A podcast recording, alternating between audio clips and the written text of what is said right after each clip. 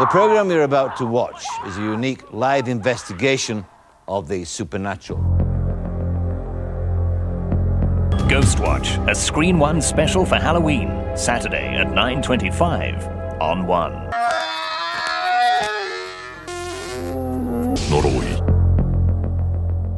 Hallo en welkom bij Julius versus Jasper, de podcast waarin wij elke aflevering twee films tegenover elkaar zetten en discussiëren over de vraag als een van de twee mag blijven, welke moet dan verdwijnen of andersom. Uh, ik ben Julius en daar is Jasper ten Hoor. Hallo. En we gaan uh, samen het weer hebben over twee films. Ja, ho hoorde jij dat ook net? Wat? Ik, ik hoorde net een stem. Van, bedoel je dat, wat, mijn stem? Hallo? Nee, het was een andere stem. Die oh. fluisterde iets. Hoorde je dat? Nee. Oeh. Het is wel spannend. Maar dat is wel in, in het thema van waar we het vandaag over gaan hebben, hè? Ja, dat is zeker waar. Uh, namelijk Ghostwatch versus Noroi. Ja, twee titels waarvan ik me verwacht dat niet iedereen meteen denkt... Oh, die. Ja, wat erg jammer is. Ja, en hopelijk kunnen we daar een, een, een beetje verandering in brengen. Ja, ga ze wel kijken. Tenminste, dat, ik, ik zou het erg aanraden als je ze nog niet gezien hebt om ze voor het luisteren van deze podcast sowieso uh, te gaan kijken. En ook als je daar naar de podcast niet wil luisteren, heb je toch twee goede films gezien. Ja, dit zijn bij deze al gewoon twee aanraders. Wij geven dit alvast mee en we gaan er redelijk doorheen door die films. Dus dat is niet, lijkt mij in ieder geval niet heel leuk om dat eerst allemaal aan te horen en dan te kijken en de hele tijd te denken: oh ja, daar hadden ze het dus over. Ja. Ik zou het andersom doen, maar ja, dat, ja. dat ben ik. Maar goed, wat zijn het? Ja, twee, uh, nou ja, je zou, het, eh, je zou Ghostwatch in elk geval een voorloper kunnen noemen van het found footage genre. Zoals het uh, sinds ongeveer The Last Broadcast en Blair Witch Project is uh, gegroeid. En Noroi is, is ja, een found footage film, maar dan wel gemaakt als een documentaire die echt is samengesteld uit die found footage. Dus je zit in beide gevallen niet alleen te kijken naar videobeelden, maar er is echt een, een, een, een professioneel gemaakte film omheen. Het is ook een beetje de vraag wat de term found footage. Ik heb altijd het idee dat bij found footage moet het ook echt beelden zijn die gevonden zijn. En zo aan ons vertoond worden. Nou, maar dat is ook op zich niet helemaal waar het vandaan komt. Hè? Want er, is ook gewoon echte found footage films. En daarmee wordt gewoon bedoeld beelden die niet door de filmmaker zelf geschoten zijn. Ja. En, dat, en, en als er dan, dat maakt helemaal niet uit waar die dan vandaan komen. En ik denk dat de, de, de term mockumentary in principe ook bij beide de, van deze titels die we bespreken past. Ja, mockumentary is vaak komisch. Wordt, wordt daarmee geassocieerd althans. Nou, maar laten we, laten we gewoon vertellen wat het is eigenlijk. Want we draaien er nog een beetje omheen. Maar Ghostwatch, zal ik vertellen wat het is? Vertel jij eens wat Ghostwatch is. Ghostwatch is een uh, eh, BBC tv-film uit 1992. Die werd toen op Halloween uitgezonden. En uh, die heeft de vorm van een live show waarin in de studio zit Michael Parkinson, wat destijds een, een, eh, een, en nog steeds trouwens een heel bekende, gerenommeerde uh, interviewer was. En er zit uh, Sarah Green is op locatie en dat was ook een presentatrice die destijds vooral van kinderprogramma's bekend was. Dus het zijn allemaal geen echte, echte mensen die daaraan meewerken als zichzelf. En het concept is, ze gaan een spookhuis uh, onderzoeken. Een huis waar een, een, een moeder woont met twee kinderen en die zeggen dat het daar spookt. En ze gaan dat live op tv proberen te bewijzen of dat zo is of niet. En uh, dat wordt dus echt helemaal behoorlijk realistisch in het begin gepresenteerd als een echte uh, uh, live-uitzending. En heel veel tv-kijkers geloofden dat ook. Hoewel het wel in de tv-gids aangekondigd stond als fictie. En het was deel van een drama-reeks, een antologie-reeks. Um, en, en, en ja, uh, uh, aan het einde stond er ook gewoon credits. En aan het begin stond er ook al van wie het geschreven had en zo. Dus de BBC wilde wel graag duidelijk maken dat het nep was. Maar nou ja, lukt toch niet helemaal. Eigenlijk is het wat, wat men zegt dat met War of the Worlds van Orson Welles gebeurde. Gebeurde hier bij heel veel mensen echt. Dus dat ze echt dachten dat ze naar een, een echt live evenement zaten te kijken. En ook dat zij thuis uh, uh, ook bovennatuurlijke verschijnselen merkten in hun eigen huis.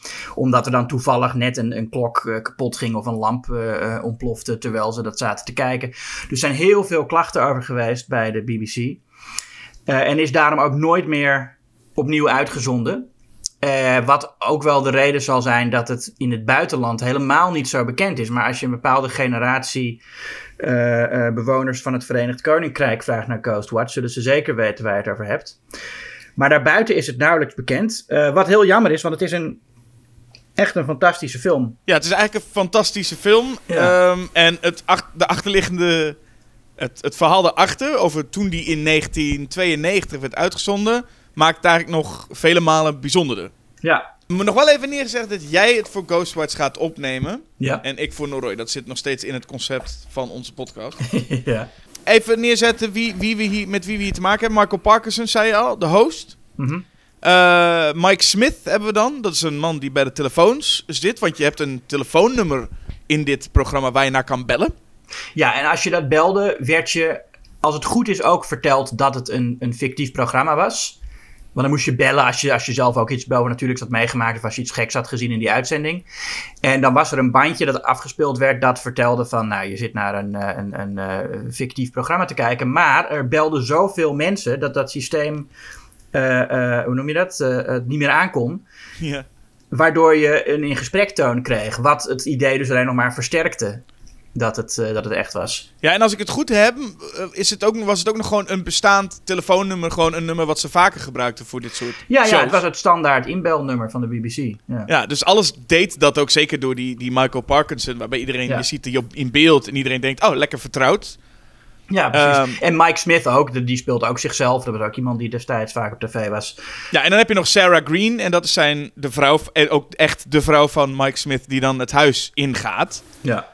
Eh, en dat, dat trio, dat zie je volgens mij ook steeds op de poster staan. Ja, Eh, wat een beetje een vreemde poster is als je gewoon het ziet als van... Oh, moet je deze horrorfilm eens zien? En je kijkt dan naar deze poster. het is gewoon drie mensen.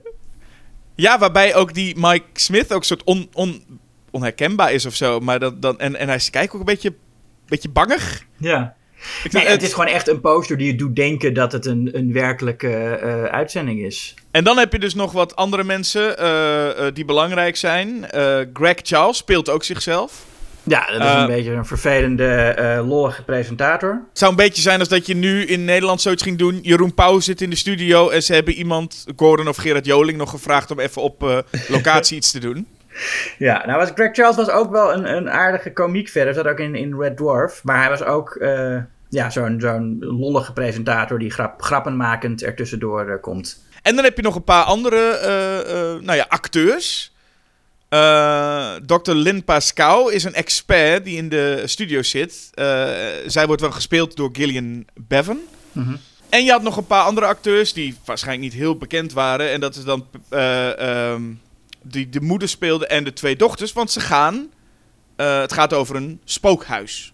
Ja, eh, eh, eh, Britt Brennan is de moeder Pamela Early. En haar dochter Suzanne, Michelle Wesson en Kim, eh Therese Wesson. Dat zijn wel dus echt zusjes.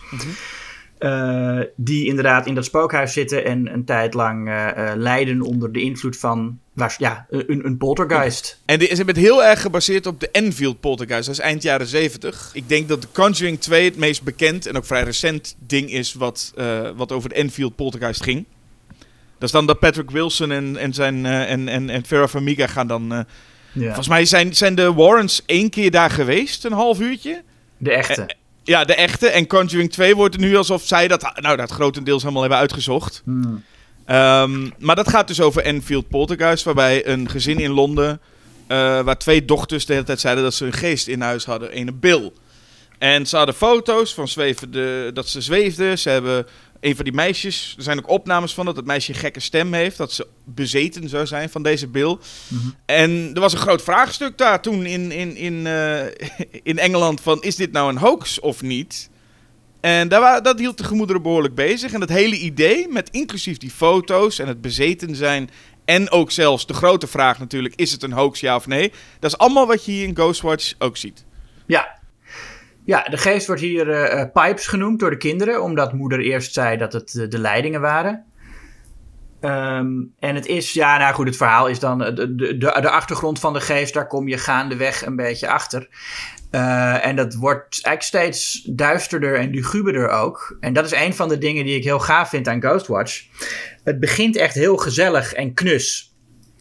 En ook heel overtuigend als echt zo'n live-uitzending met alle cheesy uh, stijlelementen die daarbij horen. Hè, dat is gewoon de, de, de, de credits en dan staat er een heel, een heel, een heel cheesy begin met grote lampen die zo naar dat huis getild worden. En dan staan allemaal mensen in die lampen te kijken. Van, en nou, oh, hier komt de televisie. En dan heb je die Greg Charles ertussendoor met zijn grapjes, die ook de presentatrice gaat laten schrikken. En, uh, en, al die, en, en, nou, en gaandeweg wordt het steeds uh, duisterder. En uiteindelijk ook heel naar. Als je ontdekt dat de geest eigenlijk een, een, een, een, iemand is die voor kindermisbruik heeft gezeten. En toen is vrijgekomen. En, nou ja, en, en, en, en dat, dat hij uiteindelijk. ik zeg maar meteen hoe het afloopt. Dan, ja, dat hij uiteindelijk een van de dochters, Suzanne, ook ja, meeneemt en dat zij roept: uh, Stop it, you're hurting me. Dat is opeens veel duisterder dan je verwacht van. Zelfs van een, van een eng spookverhaal verwacht je niet dat het zo naar eindigt. En dan, nou ja, uh, helemaal aan het einde gaat het dan nog, nog een stukje verder. Dat die hele studio, uh, dat wordt een beetje cartoonesk, vind ik. Dat die hele studio om, omvergewaaid wordt. En dat Michael Parkinson zelf ook bezeten raakt. Maar daar komen, daar komen we nog. Daar komen we nog, ja. Want het, is, het bouwt zich uh, ja, ik zou zeggen lekker op. Hmm. Um, er gebeurt niet veel en dat is juist fijn bij dit soort films. Waarbij er in het begin dus niet veel gebeurt. Maar eerst gaat Michael Parkers iedereen voorstellen. Dat doet hij ook op zijn Michael Parkinson zo super snel. Hij raast er echt doorheen wat betreft iedereen voorstellen met... hey, jij bent daar voor de belletjes? Ja, oké. Die, die persoon krijgt de kans om ja te zeggen en dan is het weer terug. En we hebben dit en we hebben dat. Nou, dus we hebben... Um, in ieder geval zet hij alles even neer. En daarna kunnen we een tijdje kijken bij uh, Greg Charles en Sarah Green. En die krijgen wel altijd heel erg de tijd, heb ik het gevoel. Hmm. En want die mogen daar echt laten zien hoe die camera werkt. En de infraroodcamera werkt. Ja, wat ook allemaal echt best wel uh, nieuwe technieken waren in die tijd. Ja, en, ook zeker om dat op tv te gebruiken. Ja. En het valt mij nog op dat ze die, die infraroodcamera introduceren. En echt helemaal laten zien hoe dit werkt. En ik, het, ik, of ik heb me erop verkeken, maar er wordt eigenlijk nauwelijks wat mee gedaan. Volgens mij. Nee, nee, maar dat is meer omdat ja, in die tijd had je ook van die spokenjaag-tv-programma's. waarin ze ook met, dat soort technieken aankwamen. Dus ik, dat maakt het ook wat overtuigender. Ja, het is overtuigender, maar je verwacht dan toch. dat is een soort ja, check-offs uh, infraroodcamera. Ja. Dat je verwacht dat als dat geïntroduceerd wordt, dat er dan een moment komt in het duister Hmm. En dat ze dan een geest zien. Maar volgens mij is aan het einde wordt hij even gebruikt als het heel donker is. Hmm. Dan doet zij een kaars aan of iets dergelijks. En dat, dat fikt dan enorm op die infraroodcamera. En, dan is het, en dan is het weer gewoon beeld. En dat je denkt, oh, heb ik, heb ik nou gemist dat er ergens iets stond? Ik denk, dit gaan ze nu helemaal uitbuiten, deze infraroodcamera. Maar dat, dat hebben ze niet gedaan. Nee, nee. Maar wat, wat is wel, wat ik zei, dat ze, eh, dan moet je goed zoeken. Dat is natuurlijk wel, het is een beetje Where's Waldo, hè, deze Ghostwatch af en toe. Ja, Pipes uh, is af en toe op de achtergrond ergens uh, uh, te zien. Soms heel duidelijk, soms ook heel snel. Dat je denkt van nou, niemand op tv had dit kunnen zien. Dus dan zou je het echt moeten hebben opgenomen en dan terugspoelen. er zit één moment, dan loopt Craig Charles buiten langs een rij mensen. En dan staat hij er een aantal keer, kun je hem zien. Ja. Maar dat gaat zo snel, dat, dat zal je zeker missen als je niet erop aan het letten bent. En de vraag is dus, want dit is iets wat, wat ik vooral ook ken van... Uh, nou, Mike Flanagan deed heel erg in zijn uh, hunting-series. Mhm. En met name die eerste, dat je zeg maar elk shot bij wijze van spreken zat wel ergens een geest verstopt. Oh, ja. Dat je op een gegeven moment kan het een soort leuk zoekplaatje worden met waar zijn ze. Maar het kan je ook een soort van, nou ja, niet zo'n fijn gevoel geven of zo. Dat, dat, dat, dat zegt men dan wel. Maar hier zou dat voor... Niemand zit erop te letten natuurlijk als je dit voor het eerst ziet. Nou ja, nee, maar dat, dat, ze raden dat wel aan. Want dat, is vrij vroeg in de uitzending. Wordt er al, zeggen ze van, nou, als je iets ziet op deze beelden, dan uh, moet je bellen. En dan belt er een vrouw. En die zegt op het beeld dat wij net hebben gezien van de slaapkamer van de meisjes, zie ik een figuur staan. en, dat, en dat, als je dat terugkijkt, dan staat er helemaal niemand. Maar zij zegt dan, nou, ik zie daar een figuur staan. Dan zegt Michael Parkinson, nou, dan gaan we die beelden, uh, moeten we even uh, terugkijken. Moeten we even opzoeken waar het is. Ja, hij zegt tegen die vrouw aan de telefoon, zegt hij... Ja, wijs dit even aan ons team aan. Ja. En ik denk, arme vrouw, je, het is 1992, je zit aan de telefoon. Hoe moet je in hemelsnaam iets gaan aanwijzen nu aan een team experts? Nou ja, dat, dat lukt. Het lukt, het lukt er uiteindelijk wel, ja, want de beelden komen nog een keer te zien. Ja, en dan worden ze opnieuw afgespeeld en dan staat er wel heel duidelijk iemand. Ja. Maar Michael Parkinson en, de, en, en Sarah Pesco, de, eh, of nee, heet ze Sarah Pesco? Hoe heet ze? De, nou, de, de expert. Sarah Green? Of nou, de, de, de Lynn Pascal. Lin, Dr. Lynn Pesco.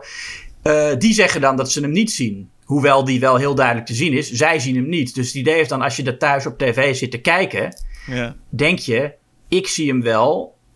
Ehm, sommige mensen zien hem en andere mensen zien hem niet. Dat is dan wat je denkt. Van, oh, weet je, ik, ik, ik, ik ben een van de mensen die hem ziet. Terwijl het vrij overduidelijk is, de tweede keer. En ik, het is dat we in 1992 de meeste mensen, of in ieder geval, tenzij het inderdaad opnam, maar je kunt het niet terugzien Ja. of terugspoelen.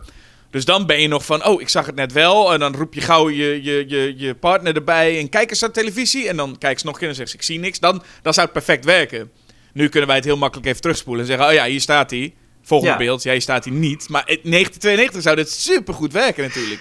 Ja, zeker. En, en, en dat, is- dat is ook het fijn. Ik hou erg van films die eh, heel erg hun medium zijn. En dit is echt een tv-film die alleen op tv kan werken. Dit, dit kun je nooit in de bioscoop doen natuurlijk.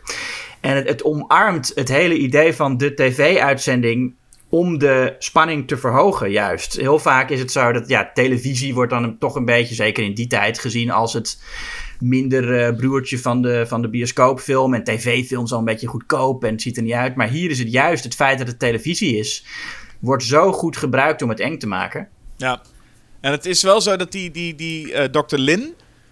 Maar goed, die is heel. eh, in eerste instantie is die daar om de rol van. Ik ga iedereen overtuigen. Dat dit echt is. Want die heeft heel lang met, met- is met dat gezin meegelopen. En die, die gelooft echt dat dit echt is.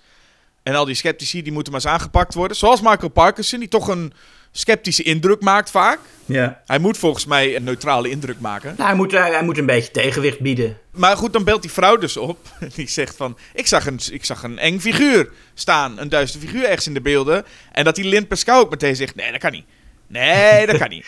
Nou, zij heeft die beelden onderzocht. Ja. Zij weet dat daar niks op te zien is. Dus dat is meteen het eerste dat we merken. Is denk, nou, zo open-minded is in ieder geval niet. Ze heeft, zij heeft het onderzocht, dit kan niet. Ja. Ehm, en dan gaat ze daarna met zo'n pennetje, want dat is de techniek, hè, de nieuwste techniek. Dan kan ze met zo'n pennetje, à la Jan van Hals bij de voetbalanalyse, kan zo streepjes gaan zetten. En dan zegt ze, ja, hier ergens Mhm. bij dit gordijn zou je een gezicht kunnen zien. En dat is dan leuk, omdat wij zien heel duidelijk daar gewoon een figuur staan. Ja. Wat trouwens leuk is over de techniek, vind Mhm. ik vooral, je hebt allerlei verschillende soorten techniek. Dat van de lijntjes zetten, dat noemen ze ook echt het beste van het beste. Maar ik vind het vooral grappig dat als er iemand inbelt, dat de presentator en die vrouw daarnaast ook gewoon echt zo'n horen moeten opnemen. Ja. En daar ook vastzitten. En, en er zit ook aan een kabeltje, dus ze zitten ook voorover gebukt op die stoel. Ondertussen terwijl ze aan het praten zijn. Terwijl je denkt, nou, dat kon in 1992 wel. Een, een, een audiofragment of iemand bellend in de studio. Dat je, ik heb nog nooit iemand in de studio setting gezien die voorover met een telefoon moet zitten. Ja, nee, nou, je zegt, ja, heb ik ook nog nooit. eh, nou, nou, ik weet het ook niet. Ehm, er zit wel één foutje in trouwens over, over, over hoe goed deze film zijn medium gebruikt gesproken. Helemaal aan het begin heb, zie je eh, eh, beelden die opgenomen zijn in de slaapkamer van de zusjes. En dan daar hangt gewoon s'nachts zo'n camera. En dan zie je die beelden daarvan. En op een gegeven moment wordt er ingezoomd. Want wat er dan gebeurt is zogenaamd, dan vliegen er allemaal objecten van de muur af richting die meisjes. En dan wordt er ingezoomd omdat natuurlijk, daar staat gewoon iemand die, die spullen van de muur te gooien. En dat mogen we niet zien. Dus dan zoomen ze op dat beeld in en dan komen die spullen van buiten beeld eh, eh, naar binnen gevlogen. Maar dat is natuurlijk, als dat echt zou zijn, waarom zou je dan gaan inzoomen op een beeld van een camera die daar de hele nacht stil heeft gehangen?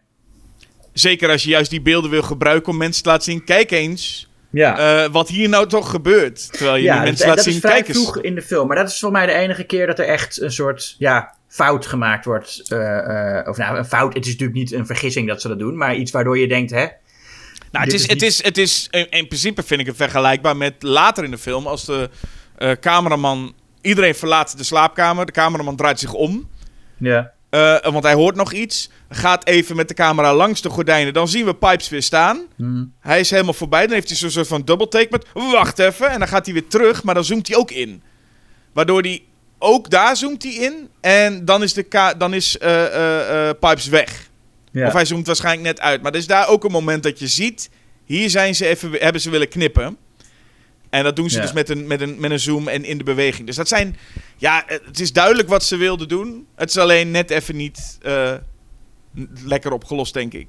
ja, nou ja. Het zijn de simpele effecten die het vooral doen. Kijk, en dit zijn al bijna net iets te veel effecten waar je echt in met montagetrucjes moet komen. Terwijl een heel simpel effect is dat ze op een gegeven moment in die keuken lopen.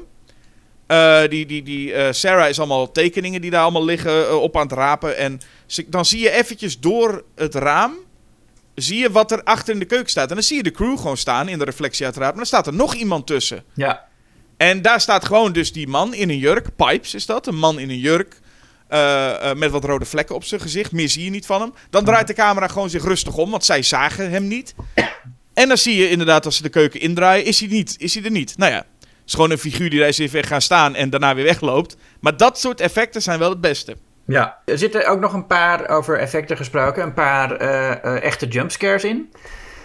Ja. Uh, ook een beetje. En ik vind het wel leuk dat, um, dat het wordt ook heel erg benoemd. Er zit één moment helemaal in het begin, dan, dan, dan zit Sarah Green is in de keuken en dan springt Greg Charles uit een kast met een masker op. Ja. En roept boe. En zij helemaal schrikken natuurlijk. Ja. En dan zegt hij, ja, ik dacht als we nou geen geest tegenkomen, dan hebben we in elk geval iets, uh, iets gehad alvast, weet je wel. En dat is leuk, want dat is, dat is inderdaad precies hoe dat werkt bij horrorfilms. Je, op het moment dat de geest er nog niet is, dan, ja, dan komt er af en toe een fake-out jumpscare, zodat je in elk geval nog weet, ik zit naar een horrorfilm te kijken. Dus het is heel leuk dat hij dat gewoon letterlijk kan benoemen, dat dat is waarom hij dat doet, zonder dat het... Uh, uh, ja, hij, hij doorbreekt de vierde muur daar op een manier die je eigenlijk zou willen dat echte horrorfilms zeg maar ook deden. Alsof mensen in de bioscoop zitten met, het is al twintig minuten, ik ben nog niet geschrokken. Hoe zit dit nou? ja. En dan moet toch nog iemand even keihard boes zeggen. Dus, oh gelukkig, het is, wel, het is wel een enge film. Ja, maar dat doen ze hier en ze benoemen het heel mooi. Dat is uh, gaaf, vind ik. Ja, en het is ook wel, hij benoemt daarbij ook wel eventjes duidelijk dat, hij die, uh, dat die kinderen ook op de hoogte waren. Want anders Ja. ben je ook wel een enorme lul als je met zo'n circus bij die kinderen die, die nogal een heftige iets meemaken. Mhm. Om ze dan te laten schrikken. Maar laat merken, Greg Charles heeft het even overlegd met de kinderen. Die vinden het ook wel geinig. Ik vind het, dat vind ik ook. eh, eh, wat, ik vind het leuk aan die kinderen dat ze. Ze zijn natuurlijk ja, behoorlijk eh, getraumatiseerd door die geest. En ze willen natuurlijk ook weg uit dat huis. Hè. Er wordt ook duidelijk gemaakt. Dat ze geprobeerd hebben een ander huis te krijgen. Maar dat de council dat helemaal niet goedkeurt. Eh, want ze, ze zijn niet heel rijk of zo. Dus ze kunnen niet zomaar makkelijk verhuizen. Eh, maar die kinderen, die vinden het allemaal heel eng. Maar die kunnen ook nog wel gewoon plezier hebben daar. Wat ook volgens mij wel een realistischer afspiegeling is van hoe dat echt. Ik bedoel niet dat dat soort dingen. Ik, ik geloof niet in geesten, maar ik denk. Als die er zouden zijn, dan zou het ook niet zo zijn dat, die, dat kinderen daar de hele dag alleen maar bang zijn. Die kunnen ook gewoon afgeleid worden en, eh, en, en, en eh, naar appels happen, wat daar gebeurt. Ja, er komt natuurlijk een hele cameraploeg binnen. Mhm. En dat is natuurlijk voor. Het lijkt me logisch dat kinderen dat ook soort van. Oh, spannend. Er is best wel veel sensatie hier. Ja, Eh, dat ze niet bezig zijn met. Dat benoemden we net al even. Dat ze buiten dus allemaal eh, trailers staan en gedoe. Er staat buiten ook een, staat een klein publiekje achter zo'n dranghekje. ja. Ik denk, die mensen zitten de hele dag naar een huis te kijken met de gordijnen dicht. ja. Dus dat, dat moet je wel. Dat, ja, het, het, het gebeurt ook. Ik wil nu bijna zeggen dat is niet realistisch. Maar dat gebeurt. Dat mensen gewoon gaan daar ergens bij zo'n dranghekje staan de hele dag. Ja, die Staan vinden ze het daar? spannend dat de televisie komt. Ja, zo spannend dat ze in ieder geval niet. eh, nee, ze blijven daar gewoon lekker staan. Ja. Maar goed, die, die kinderen zeg je inderdaad. Die hebben het wel naar hun zin en die zijn aan het appelhappen of zo. Ja, ontzettend goor is dat. dat is dan, ik weet niet of dat in Nederland wordt het ook wel eens gedaan, maar in, in het Verenigd Koninkrijk is dat sowieso iets wat dan op Halloween traditie is. Dat er appels drijven en volgens mij in de Verenigde Staten ook. Dan heb je zo'n zo'n bak met appels en dan moet je geblinddoekt, geloof ik, zo'n in, in, die bak water die appels happen. Dat is het smerigste wat er is toch? Ja, ik stel me voor dat, dat, dat, dat, dat, dat mistige water, waar al die kinderen in hebben zitten kwijlen, dat je dan daar in zo'n appel ziet liggen. En dan gaat Sarah Green ook gewoon meedoen. En Greg Charles, die pakt zo'n appel uit het water en neemt er een hap uit. Ja, Dat is echt het, het meest schokkende wat in eh, de film gebeurt. Maar goed, het, blijkbaar waren de hygiëneregels toen nog niet zo eh, al- als nu. Nou, en wat zien we van hoe die kinderen er dus last van hebben? We zien in eerste instantie dat die moeder er last van heeft. Want Greg Charles interviewt haar even. Eh, maar zodra die moeder begint dat het best wel heftig voor haar is en ze emotioneel wordt, zegt hij meteen terug naar de studio. Het is heel eh, duidelijk ander soort televisie dan wij hier. Normaal zou hier oh emotie, we zoomen extra in en we melken dit uit. Hier heel netjes, oh een beetje emotie, laten we meteen maar terug naar de studio. Ja, ik dacht toen ook van, ja, zo was reality tv toen eh, blijkbaar nog. En het is eigenlijk pas na 2000 of zo dat het allemaal... En zelfs toen, ik bedoel, toen Big Brother net begon eh, in Nederland... wa- waren er gewoon kamervragen van... eh, mag dit wel? Mag je wel mensen op deze manier behandelen? En was, ik herinner me, een, een debat eh, op tv bij het Lagerhuis... waar mensen zeiden van, nee, maar dit, dit, dit kan niet. Dus het was, dat was, ja, in, in 1992 was dat zeker nog zo van, ja, je, je moet niet mensen gaan filmen die aan het huilen zijn, eh, zomaar. Nee, ze wilden gewoon journalistiek, wilden ze gewoon weten van die moeder van eh, wat, wat heb je meegemaakt. En als die moeder dan emotioneel wordt, is het, oh, ze komt niet meer uit de woorden. Journalistiek niet handig. Terug naar Michael Parkinson, die heeft vast nog wel iemand anders om te spreken. Ja, maar later zijn ze helemaal niet zo, eh, zo rekening houdend met die gevoelens. Want daar gaan ze juist, zelfs bij de kinderen die zitten te huilen, gaan ze erop. Ja, precies. Nee, op een gegeven moment zijn ze gaandeweg kwijt, denken ze, dit is toch wel goed voor de kijkcijfer misschien. Ja. Eh, maar de kinderen zelf hebben er, nou ja, in, in die zin last van dat ze Pipes zien. Maar heel veel last hebben ze niet van. Want het kleinste meisje, Kim, die ziet Pipes ook geregeld. Ja. En vindt het volgens mij ook wel prima. Heeft ook een tekening van Pipes eh, gemaakt. ja, ze zegt wel, he's disgusting, maar ze vindt hem niet... eh, Nee, ze heeft een soort spookje getekend. Ja. Maar met een, met een soort, soort stormtrooper masker lijkt het op. Ja.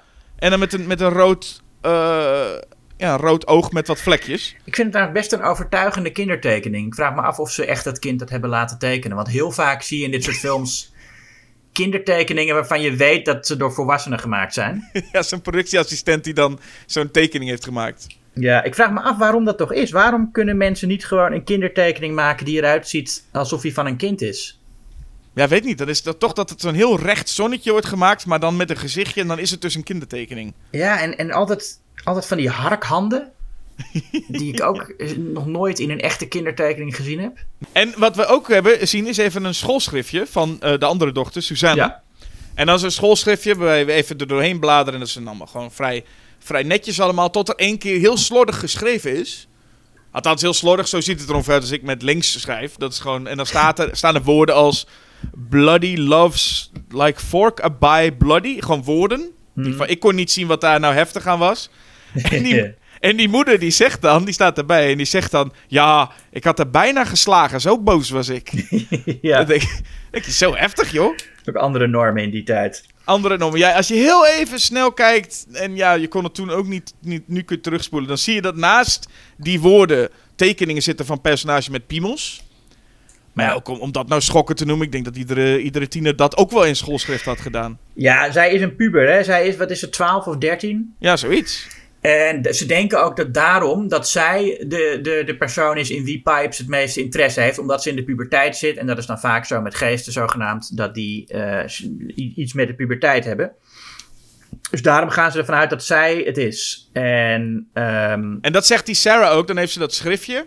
Waar dus in dat schriftje staan dus een paar eh, slecht, nou een beetje doktershandschrift teksten. En daarnaast een paar plaatjes met piemels. En dan zegt die Sarah Green ook heel dramatisch in de camera. Ja, wie was dit? Of wat was dit? ja. Je nou van alle dingen die onverklaarbaar zijn, vind ik dat schriftje nog niet het meest. Waarvan je echt dramatisch in de camera moet zeggen: wat was dit? Nou ja, wat was het? Op een gegeven moment blijkt, wat ik ook best een heftige scène vind eigenlijk, dat zij eh, dat zelf zitten doen. Hè? Dat, tenminste, dat, dat, dat geklop van de leidingen, dat horen ze dan. Eh, ze horen harde geluiden, ze gaan kijken wie het is. En dan betrappen ze Suzanne, die daar met een lepel tegen de, de, de leidingen zit te, te, te rammen. Ja, en dit komt dus rechtstreeks van eh, wat we zeiden, de Enfield Poltergeist. Waarbij er Ja. dus gezien werd dat de kinderen ook deels hetzelfde deden. Maar in plaats van te zeggen, wat hier ook een beetje gedaan wordt, dan Michael Parker zegt van, nou, dat is dan duidelijk, hè, we kunnen inpakken, het is een hoax, jongens. Ehm, Is dat daar ook werd gezegd van, ja, er zijn delen die zij zelf deden. Ja. Eh, en hier is dat dan ook zo, dat ze eigenlijk wordt verklaard van, ja, eh, de kinderen deden een deel zelf. En zeggen daar ook bij van, ja, dit is toch wat jullie wilden. Ja, en dat, ik vind het wel heel goed gedaan. Dat de, de wanhoop van Suzanne, die natuurlijk. Kijk, zij weet niet zeker of het vanavond weer gaat gebeuren. Dus zij denkt, ik kan het maar beter zelf doen. Eh, Dan, hebben ze, dan we- weten ze in elk geval dat het zo is. Ja. En dan als ze betrapt wordt en dat ze dan meteen gilt en wegrent. En, eh, eh, en, en, en dat inderdaad die, die, de, de wanhoop en machteloosheid van haar wordt daarmee heel mooi duidelijk. En ook dat ze in de studio zitten en dat die dokter Pasco maar blijft zeggen van ja, maar dat, dat dit nep is, betekent niet dat alles nep is. Nee, maar ja, het is mij vrij makkelijk om te zeggen... Hè, eh, eh, eh, tienermeisje wil aandacht, Ja. heeft nu de aandacht. Alleen aan de anderzijds, inderdaad, wat als Pipes even die dag een ATV'tje had... Ja, dan zit Ja. je dan met je Ghostwatch en dan kun je als meisje helemaal denken van... Verrek. Nee, precies. Dus ik vind, ik, ben, ik vind die frustratie heel goed voelbaar. Ja, en ondertussen wordt er wel, ik bedoel, niet Michael Parkinson, maar er is nog een andere scepticus bij gehad. Laten we zeggen de, de James Randi van het geheel. Hmm. En dat is die Dr. Emilio Silvestri. Ja. Van, en dit is ook een echte titel, of een, het comité, Committee for the Scientific Investigation of Claims of the Paranormal. Ah. De CSI-COP, daar werk je dan bij. En er zit dus een man in zo'n veel te grote jas zit daar dan in, em, in eh, New York. Dat hoor je aan zijn accent en aan het feit dat zo'n plaatje... Ik hoop niet dat ze bedoeld dachten dat dat een skyline uit het raam was. Maar zo, Nee, maar dat is toch altijd met mensen op locatie, dat je zo'n zo'n plaatje erachter hebt. dat heeft zo'n plaatje van New York. Met I'm from America.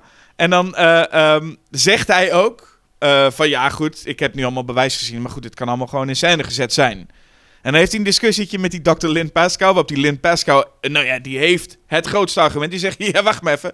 En de kras op haar gezicht dan. Want dat is wat Suzanne af en toe heeft, kras op haar gezicht. En dan zegt hij, Emilio, eh Dr. Emilio zegt... Ja, dat kunnen ook de nagels zijn. En dan komt Lynn terug met... Ja, maar dat was niet. Je moet gewoon geloven. Ja. En ik, ik moet zeggen, dat is, dat is toch wel vaak een argument van, van Lin. Niet het sterkste eh, eh, argument van haar, maar je moet het gewoon geloven. Want, zegt ze, liefde is ook niet meetbaar. Toen moest ik even denken aan onze vorige aflevering. In Contact was dat ook zo'n groot eh, Ja. onderdeel van liefde is niet meetbaar, dus geloof dit ook. Ja, nou, maar dat is natuurlijk een beetje een cliché van ja, dingen die. eh, niet, niet alles is meetbaar. En ehm, wat zij, ik denk dat ze, wat ze bedoelt is ook van waarom. Wat, wat hebben die mensen ermee te winnen om hierover te liegen? Dus geloof in elk geval dat zij het echt menen en neem ze serieus. Ehm, en ik vind dat, ja, dat is ook een, een uitspraak waaruit een, eh, een frustratie duidelijk wordt met het feit dat die mensen nooit geloofd worden. En de- ik, ik vind het in de context van deze uitzending wel ehm, heel goed werken. Nou, nou ja, goed, die, die eh, eh, James Randi wordt er ook meteen weer, dus Emilio Silvestri is dat dan, die wordt er meteen weer bijgehaald zodra ook maar eh, blijkt dat Suzanne, de beelden van Suzanne die zelf dat geluid Mhm. maakt. Ja. En dan wordt er ook meteen Michael Parkinson, nou, u had toch uw zin, wat vindt u ervan? En dan moet hij ook een beetje in, zo, nou, ja, ja, het is niet dat hij dat nou als succesmomentje wil, eh, wil zien, Nee. per se. Maar ja, het is toch zo. En dan zegt Mark Parkinson, nou, fijne avond. En, en ze wil het eigenlijk afronden, zo van, eh, dat was het dan. Ja. Maar er is nog wel wat anders, want die Greg Charles, dat is een beetje omdat ze het verhaal langzaam gaan aankleden. Die Greg Charles gaat ook nog interviewen. En dat vind ik helemaal een bijzonder tafereel. Die gaat, die Greg Charles loopt buiten. Bij het huis is al zo'n eh, dranghekje met een paar mensen. Dan loopt Greg Charles een heel stuk de wijk in. Hm. Het is gewoon op een gegeven moment heel donker. En ineens zien we in de verte, staat er nog een klein dranghekje met een paar mensen. Ja. Maar daar is verder niks. Dus er zijn mensen gewoon bij. De, als, je, als je maar een dranghekje neerzet, dan gaan wel wat mensen achter staan. En dan loopt hij voorbij dat dranghekje eh, met twee vrouwen. En dan gaat hij op een veld die twee vrouwen interviewen. Over nou, de gruwelijke dingen die daar gebeurd zijn. Ja, en dan hebben ze het over, eh, over dat daar eh, zwangere honden, eh, dode zwangere honden gevonden zijn met alle foetussen uit hun, uit hun buik. Ja, en die mensen, die mensen achter dat dranghekje hebben er helemaal niks aan, want die kunnen dat niet verstaan. Dus die Nee. staan daar gewoon te wachten. Ja. En, en, en, en op het moment dat ze dus die lugubere dingen zeggen, dan blijkt Greg Charles toch niet een meester interviewer. Want die is halverwege heeft hij zoiets van: ja, oké, mooi. En die laat die twee vrouwen daar in het donker staan. En loopt weer terug naar het dranghekje om nog iemand anders te gaan interviewen. Ja, dan gaat hij praten met de exorcist die ook het huis eh, heeft geprobeerd eh, te, te fixen. Ja. En dan gaat hij met hem aan de wandel. En dan loopt hij volgens mij weer terug naar het huis met die man. Dan lopen ze weer terug naar het huis, waarbij dan weer twee kinderen die, die op dat moment aan het trick-or-treaten zijn, eh, lopen ze tegen het lijf. En dan schrijft ook Michael Parkinson in met van, eh, yo, we gaan even terug. Want dit is, het is een beetje een, ja, dit is wat opvulling. Net als dat er van die willekeurige verhalen van andere mensen tussen zitten met hun spookverhalen. Er is een, een of andere gecensureerde man die iets vertelt over dat de spuug op zijn makreel zit. Ja, ja, die heb je tussendoor ook. Ja. En eh, ik, ik moet zeggen, ik snap niet zo goed waarom Craig Charles steeds eh, aan het wandelen is. Maar dat is misschien ook gewoon om wat, wat beweging erin te krijgen of zo. Ja, je voelt dat dit gedaan is als zijnde, als we, hè, hebben we, als we, als er niet genoeg gebeurt, Dan knippen we even nu. Want Ja. We, we, Greg Charles wordt later, als er meer gebeurt, komt hij ook steeds minder in beeld. Ja. Want er is genoeg in het huis te zien. En ook eh, Mike Smith krijgt steeds minder te doen. Want er zijn wel steeds bellers. Mhm. Maar in het begin wordt er af en toe nog even... nou, eh, heb jij nog bellers? En dan op een gegeven moment krijgen we Kevin Tripp. Die belt. Maar die begint al te grappen, want die heeft een broodje die zo ineens van de bank sprong. Ja, En daar dat- accentje doet hij erbij. Ja, en daar zit Michael Parkers niet op te wachten. Die zegt, jongens, geen grappen nu. Hè? Even, even alleen maar serieuze... Wel alleen maar serieuze bellers. Ja. Nou, die komen op een gegeven moment en die weten te vertellen van de geschiedenis van het huis. Hè, dat daar vroeger in, de, in, de, in het Victoriaanse tijdperk woonden daar Mother Steddens. Die, allemaal eh, kinderen heeft vermoord. En is trouwens de regisseur. Leslie Manning heeft daar een rol. Eh, er was een actrice en die deed het niet goed genoeg. Of die... En toen heeft zij het gewoon zelf gedaan. Dus dit is trouwens de regisseur die we horen. Die belt in. Oh ja. Ja. Ja. En eh, nou, jaren later eh, blijkt, en dat is dan niet eh, geregistreerd, want, want die werd daar in dat huis een kamer onderverhuurd aan iemand. En dat was die, die, die pedofiel of die, die, ja, die mentaal niet helemaal in orde was. Hoe heet je ook weer? Raymond. Raymond Tunstall. Nou ja. Want dat is eigenlijk het twee, twee luik van de backstory. En dat is vrij laat in de film. Heb je eerst iemand die vertelt over Mother Seddons. Een babyfarmer. En als tweede wordt er, als laatste wordt er een beller. Die vertelt in de jaren 60 waren er, was er een stel en die verhuurde het aan hun neef. Raymond Tunstall. En dat is die wij inmiddels kennen als Pipes. Ja, nou ja, tenminste, dat is ook iemand. Dat is, wordt niet, wordt ook gesuggereerd door eh Lynn Pascoe dat ehm, daar gewoon een entiteit is die mensen be- beïnvloedt. En die dus ook die Mother Steddens en die Raymond Tunstall uiteindelijk heeft eh, eh, eh, gepakt. Want Raymond Tunstall ehm, werd bezeten door Mother Steddens, toch? En, hij- en hij ging ook die jurk dragen om die reden. Omdat die Mother Seddons al iets met baby's had. Hij zei dat, ja, dat, dat hij iets met kinderen moest doen. Zoiets was, was het dan.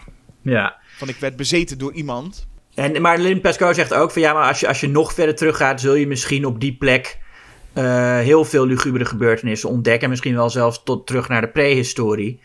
En dat is ook, heb ik het idee, wel een, een, een terugkerend thema in Britse spookverhalen. Eh, dat eh, het echt in de grond zit. Dat het niet alleen is dat er iemand is doodgegaan en dat het daarom spookt, maar dat er echt iets in, die, in, in, in de Britse grond zit wat voor spoken zorgt. Ja. Die backstory, dat is dan zo dat hij eh, zichzelf heeft opgehangen. En uiteindelijk hebben de katten zijn gezicht opgegeten. En dat verklaart een beetje hoe hij er nu uitziet. En daarom zien we dus Ja. Pipes zoals hij er nu uitziet. Het grappige is, dit soort backstories wordt even kort verteld. Maar daar heeft, de, daar heeft deze film niet heel veel aandacht voor. Terwijl dat wel inderdaad hele interessante dingen zijn. Want wat er gebeurt is als die vrouw namelijk begint over die Mother Seddons. Die vrouw die be- inbelt, die Mary Christopher, die belt in. Die zegt, oh, er was een vrouw, een babyfarmer. En die Michael Parkinson, die reageert echt zo van, nou, hè? Bedankt voor je belletje. Tot ziens. Ja, en die dat, kan er niet snel genoeg van af zijn. die is dus, ja, en, en, en volgens mij zit Lynn Pascal ook met, wat doe je nou? Dit is toch super interessante informatie. Hallo, mag ik dat nummer even van die vrouw? Ik wil dat mee. En nou, later komt het dus ook weer met die Raymond Tunstall. En de, de katten aten zijn gezicht en zo. En, en, en Lynn Pascal die vreet het op. Die denkt, oh, wat interessant dit allemaal. Dit, dit is jaren onderzoek. En Michael Parker zit er maar bij met, nou, hè? Tot ziens. Doeg, doeg. Ja. Groot probleem wat ik nu heb, want het wordt nu heftig in, in dat huis ook. Maar ik heb een groot probleem met die moeder. Want die moeder die wordt, dus, die, wordt dus, die wordt dus weggestuurd ineens in dat huis. Al vrij vroeg. Zeggen ze ineens tegen die moeder: Ga jij maar eh, even uit dat huis. Ga maar naar een andere studio. Want dan kun je een telefoontje aannemen of iets dergelijks. En vervolgens is Sarah Green, de presentatrice, non-stop alleen met die twee kinderen. Ja. Die op een gegeven moment ook doodsbang zijn en ook om hun moeder vragen. Maar de studio heeft ineens gezegd: Nou, ja, die moeder ga maar, even, ga maar even weg. En dan moet die Sarah Green, die presentatie, ineens die, die kinderen op bed doen. En, en, en, en eten voor ze gaan pakken en drinken voor ze gaan pakken in hun eigen huis. ja, het idee is dan als de moeder er niet is, dan is het waarschijnlijker dat Pipes van zich laat horen of zo. Ja, wordt, nou ja, dat dat eh, ook de gedachtegang van de programmamaker zou zijn. Ja. Ja, want het lijkt alsof ze hier een reden geven waarop die moeder ook gewoon meegaat met ga maar naar een andere studio. Ga... En zij is dan ook op, op een scherm te zien. Dus die kinderen zien op een gegeven moment op een klein televisieschermpje hun eigen moeder ook zitten met hallo, hallo. Ja, die, zit, die ik, zit echt een paar meter verderop. Kom hier gewoon naartoe. ik snap dat ook niet helemaal waarom dat nou moet. Nee, Maar en goed. op een gegeven moment loopt ze ook binnen weer. Dan, is het echt, dan gaat het helemaal mis en dan loopt die moeder ook weer wel naar binnen. Dat ze ook denkt, wat zit ik er eigenlijk ook te doen? Hm. En dan gaat ze wel naar binnen. Ehm, ja, en dan, dan, dan, dan, dan ja, breekt de hel los, zullen we maar zeggen. En waar Ja. ik nog, wat ik nog jammer vind, is op een gegeven moment... eh, er wordt ook steeds iets gezegd over huisdieren. En die, er gaan ook katten daar, eh, hoor je af en toe. Want dat zijn waarschijnlijk de katten, ja, dat wordt ook gezegd. De katten die het gezicht opaten van die eh, Raymond Tunstall, oftewel Pipes.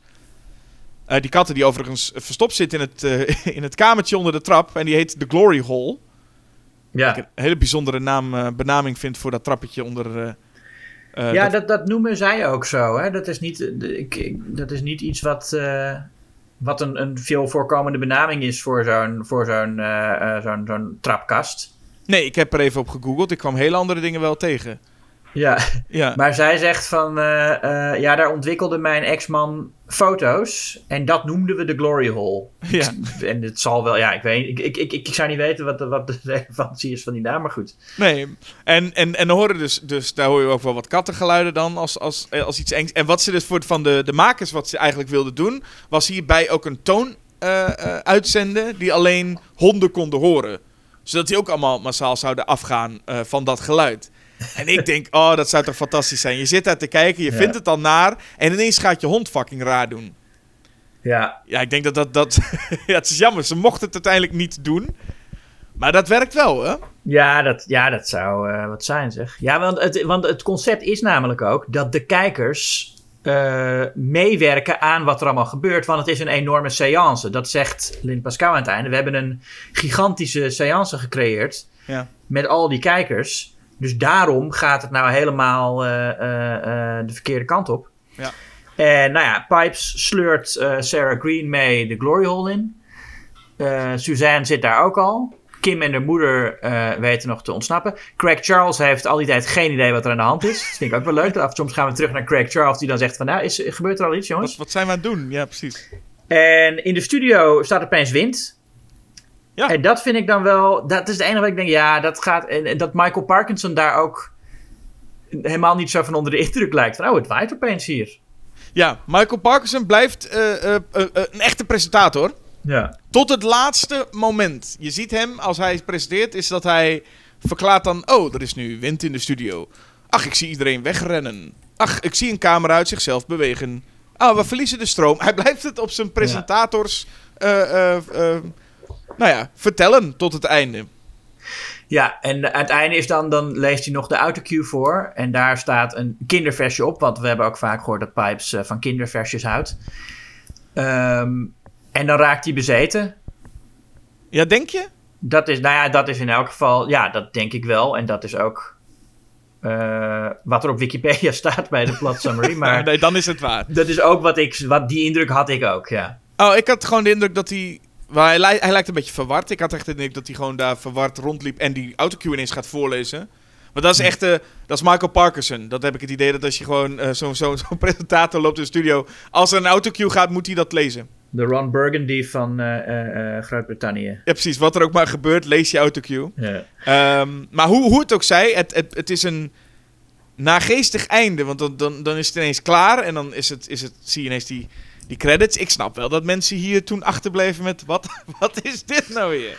Ja, maar goed, dan op de credits staat wel gewoon geschreven door Stephen Falk, geregisseerd door Leslie Manning. Die en die speelt die en die. Dus je, dan, dan zou je moeten weten dat het nep is. Ja, wie leest En, dat maar, en dat, maar goed, dat wisten veel mensen. Ik bedoel, op het moment dat het gaat waaien in de studio, zullen veel mensen ook wel gedacht hebben: nou, eh, dit gaat eh, een beetje te ver. Maar niet iedereen. Eh, wat nog één heel creepy moment is, wat ik ook erg goed vind, is dat eh, Suzanne richting het einde ehm, tijdelijk bezeten raakt door Pipes. En eh, eh, dan zegt ze iets, iets uit rood kapje. Zegt ze volgens mij: Oh my, what big eyes you have. Ja, ja. Met een hele lage, heese stem. En dan, ja, de moeder gaat natuurlijk helemaal van... Wat is er met je aan de hand? Wat, hou op, hoor je me, hoor je me, hoor je me? en, aan het, en op een gegeven moment dan zit Suzanne voor zich uit te staren... en dan wordt, lijkt ze wakker te worden... en dan zegt ze heel geïrriteerd... Yes. En dan zegt ze... You just messed things up. En dan is ze boos op de moeder dat ze alles verpest...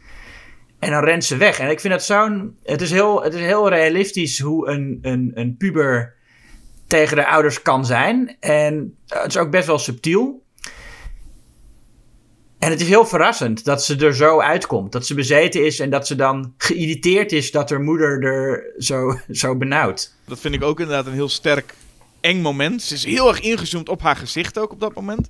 Uh, maar is ook omdat daar heel iets, ineens heel natuurlijk spel is. Ja. En dat, dat is wat ik hier niet... Ik vind het niet heel natuurlijk gespeeld over het algemeen. Wat grappig is, omdat Michael Parkinson, Mike Smith en Sarah Green... die spelen echt zichzelf en dat doen ze ook gewoon heel goed. Dat zijn gewoon hun televisierollen, zitten ze in.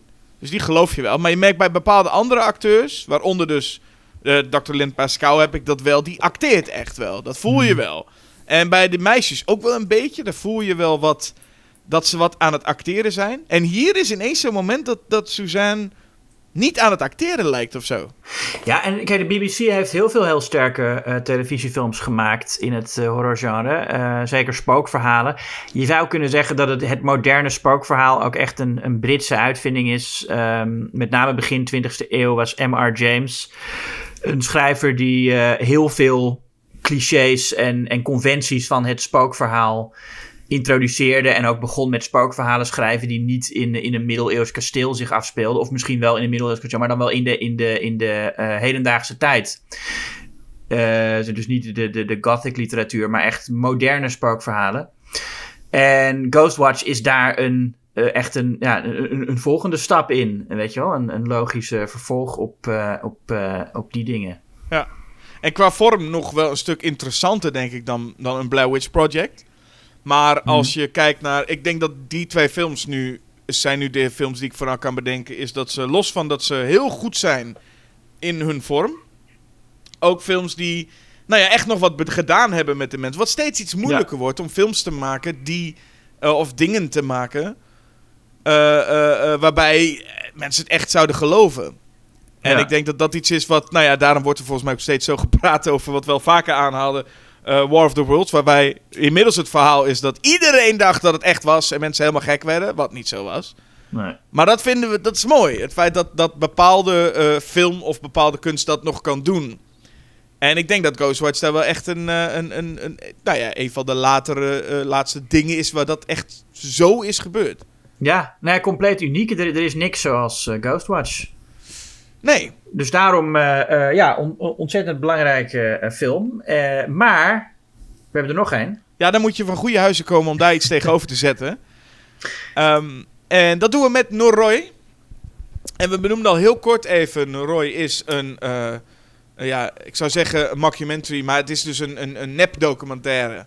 Maar wel volledig gemonteerd en alles. Dus het is geen Blair Witch Project. Waarbij ik altijd voel dat de Blair Witch Project niet echt gemonteerd is.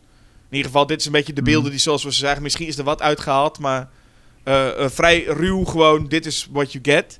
En hier hebben we echt een gemonteerde uh, documentaire van een filmmaker, Masafumi Kobayashi. Dat is de hoofdrolspeler van, onze, van Noroi.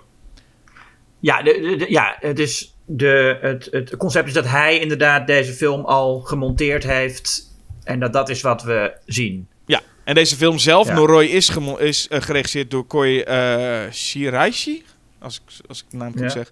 Um, een, een, een, filmmaker onder andere van Grotesque en Occult zijn wel bekende titels van hem.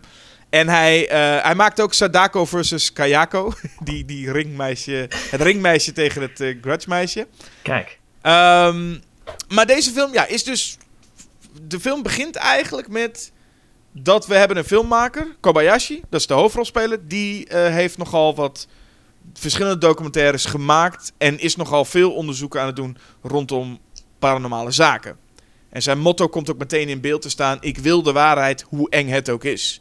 Ja. En dan wordt er alleen nog even benoemd voor de credits dat hij na het afronding van deze documentaire die we nu gaan kijken vermist is geraakt. Dan wordt er nog even benoemd. Dus fijne mm. gedachte om nog even mee te beginnen. En dan hier de documentaire. Zo wordt het zo wordt het begonnen. Ja, en het fijne is dan inderdaad dat je in tegenstelling tot bij een found footage als uh, uh, Bear Witch of Paranormal Activity, um, daarin is het, spelen ze vaak met van, oh je ziet het net niet. Maar als je dus echt een documentaire maakt, dan zou je juist op die mysterieuze uh, dingen die dan ergens in, in een hoek van het beeld staan, ga je daar juist, weet je wel, ga je daar juist op af en ga je juist in, in de montage daarop inzoomen zoals we hier een aantal keer zien gebeuren. Het, het, is, het is vrij snel al. Het eerste creepy beeld, denk ik, dat we ongeveer krijgen, is gewoon een bleek jongetje dat uit, uh, langs een gordijn kijkt uit een, uh, van een huis. Ja, en daar, daar dat wordt dan stilgezet en dan zoomt hij in op dat jongetje. En je zou zeggen, dat werkt niet als je dat doet. Maar juist omdat het een. Het, het werkt voor mij juist heel erg goed binnen uh, uh, het concept dat je een documentaire zit te kijken die iemand heeft gemaakt. Ja, natuurlijk zet iemand dan het beeld stil om daar even op te focussen. Ja, dat melk je uit. Als jij zo'n film maakt en het, de film ook maakt over... Je bent op zoek naar dit soort, dit soort dingen en je ziet zo... Ja, dan, dan ben je als maker natuurlijk gek als je niet eventjes daarop focust. Ja, en dat, dat maakt het ook echt een, een soort detective verhaal. Want wij, wij gaan achter het mysterie komen van nou, de vloek. Want dat is wat Noroi betekent. Ja, maar in principe weten wij ook nog niet. Dat is ook, vind ik, heel fijn aan deze film. We weten nog niet precies wat gaan we nu allemaal... Uh, uh, wat ga, waar gaan we eigenlijk naar kijken? En, want onze hoofdpersoon, Kobayashi, weet het ook nog niet. We worden in zijn research gegooid. Dus we, we beginnen gewoon meteen met hem. Uh, hij gaat in, in, een, een, vrouw interviewen. En dat, hij interviewt gewoon die vrouw en die vertelt over haar buurvrouw. Dat is het. Ja, er komen wat rare geluiden vandaan en, en, en het is een beetje een mysterieus mens. Punt. Mhm. Nou, oké. Hij dus uh, naar die vrouw toe. Die, die gaat uit haar plaat. En die buurvrouw, oké. Hij komt later nog een keer bij, datzelfde, bij diezelfde dame die hem toen te woord heeft gestaan. En dan komt er ineens in beeld te staan. Dan staat dat, die vrouw, die zwaait Kobayashi, de maker, uit met haar dochtertje. En dan komt er ineens gewoon de tekst in beeld. Zij stierven vijf dagen later. Ja. En ik dit, dit is heel effectief. Zou in geen andere vorm film werken. Dat er ineens gewoon in beeld komt te staan. ja. Zij stierven vijf dagen later. Maar hier werkt het echt. Gewoon een hele nare gedachte nog even van... hé, hey, gewoon een moeder en een meisje hebben hem geholpen. Maar ze stierven gewoon ineens. Wat is dit nou weer? Ja. En nou ja, dan, dan, dan, dan is dat voor ons nog... En dat, dat, dat blijft deze film. Het is een behoorlijke film trouwens. Hij uh, duurt uh, bijna twee uur. Mm. Um, en het is echt een hele lange zoektocht... waarbij jij inderdaad... Nou, een soort detective... Je bent echt uh, heel lang met Kobayashi bezig met wat betekent dit allemaal? Wat, wat gaan we allemaal zien? Waar komen we allemaal, wat komen we allemaal tegen? En het eerste uur zou ik zeggen, zijn allemaal losse elementen waarvan je op dat moment nog geen idee hebt hoe die met elkaar te maken uh, gaan hebben. Ja, er zitten ook vrij veel beelden bij van uh, gezellige tv-programma's, die ja. dan al dan niet uitgezonden zijn. Uh, shows met, met kinderen met uh, uh, zogenaamd paranormaal, paranormale gaven die dan op tv getest gaan worden. Ja, dus een soort Yuri Geller-achtige show waarbij de mensen zitten. Zo'n jury, die kijkt ook mee, zo'n picture-in-picture. Grote over-de-top tekst in beeld. Je voelt echt, dit zou zo een programma in Japan kunnen zijn. Hmm. Waarbij bij kindertjes een, een, een, in een koker zit een plaatje en zij moeten gaan raden wat die tekening is en dan niet dat natekenen. Ja, en er is één meisje die dat heel nauwkeurig bijna allemaal kan. Uh, Kana Jano is dat. Ik heb ook het idee dat op een gegeven moment laat ze ook zien dat, dat ze laten al die tekeningen van al die kinderen zien. En heel veel zitten er ook gewoon volledig naast. Ja. Maar er is wel één meisje bijvoorbeeld als ze een cirkel moeten tekenen. Dus één meisje die heeft ook gewoon een cirkel getekend op de achtergrond. Daar gaan we volledig aan voorbij. Alle aandacht gaat naar Kana Jano. Uh, die, maar die heeft wel precies die tekeningen altijd. Echt elk klein dingetje wat... Nou ja, het is, het is bijna op schaal, zeggen ze op een gegeven moment ook. Ja. Dus daar gaat alle focus dan wel naartoe. Alleen bij de laatste heeft ze een eng gezicht getekend. Niet echt, niet een, gewoon een, een, een gezicht eigenlijk, met één oog dat groter is dan het ander. Dan wordt dan heel duidelijk gezegd van, ah, ze is moe. Ze is moe. Ja. Dus dat, dat zal wel niet kunnen. Hoewel ze daarna wel nog uh, gewoon uit zichzelf water kan laten ontstaan. met een haar erin. Met een haar erin, ja. ja. Ook, uh, en dan heb je dat meisje leren kennen en dan krijgen we een andere show. Maar dan beelden die nooit uitgezonden zijn. Met uh, actrice uh, Marika uh, Matsumoto. Mm -hmm. En die speelt zichzelf. Ja. Beetje in de stijl van Ghostwatch zit een actrice die speelt zichzelf. als actrice gaat ze mee met twee jongens een, bo een, bos in waar iets bovennatuurlijks zou zijn. Alleen zij gaat, zij flipt nogal als ze daar dan is. Mm -hmm. en dat, dat beeld wordt dan weer. Uh, dat is allemaal stijlen door elkaar. Dat beeld, die beelden worden dan weer vertoond in een zaaltje. Een beetje zoals je dan in Amsterdam, uh, in de Bali, gaan ze dan nabespreken. Dus het is zo'n zaaltje. Hè? En dan hebben ze zo uh, de beelden en dan zeggen ze, nou, gaan we het hier eens even over hebben. En dan zit die actrice er ook bij. en Kobayashi trouwens, onze, onze, onze regisseur is er ook. Mm -hmm. En nog iemand komen dan binnen, komt dan binnen. Dat is een paranormaal begaafde man. Uh, Mr. Hori. Ja, die heeft er last van dat hij paranormaal begaafd is. Ja, het is een heel interessant figuur. Het is een man met een aluminiumfolie hoed en een, eh, eh, eh, allemaal, allemaal al- aluminiumfolie op zijn eh, jas. En hij valt ook deze eh, actrice meteen aan op het podium. En dan denk je, wat is hier nou weer aan de hand? Ehm, en hij begint de hele tijd te schreeuwen over duiven. En dat moet ik zeggen, dat is, dat is sinds, sinds tijden dat ik weer eens iemand eh, zo op een podium tekeer heb zien gaan over duiven. ja. Eh, voor mensen die vaker onze podcast luisteren, die snappen deze. Ja. Ehm, en, en wat ik dus daar interessant aan vind, is dat we dan even een tijdje focussen op die Mr. Hori. En ik vind dat een heel interessant figuur, want er is echt iets mis met hem.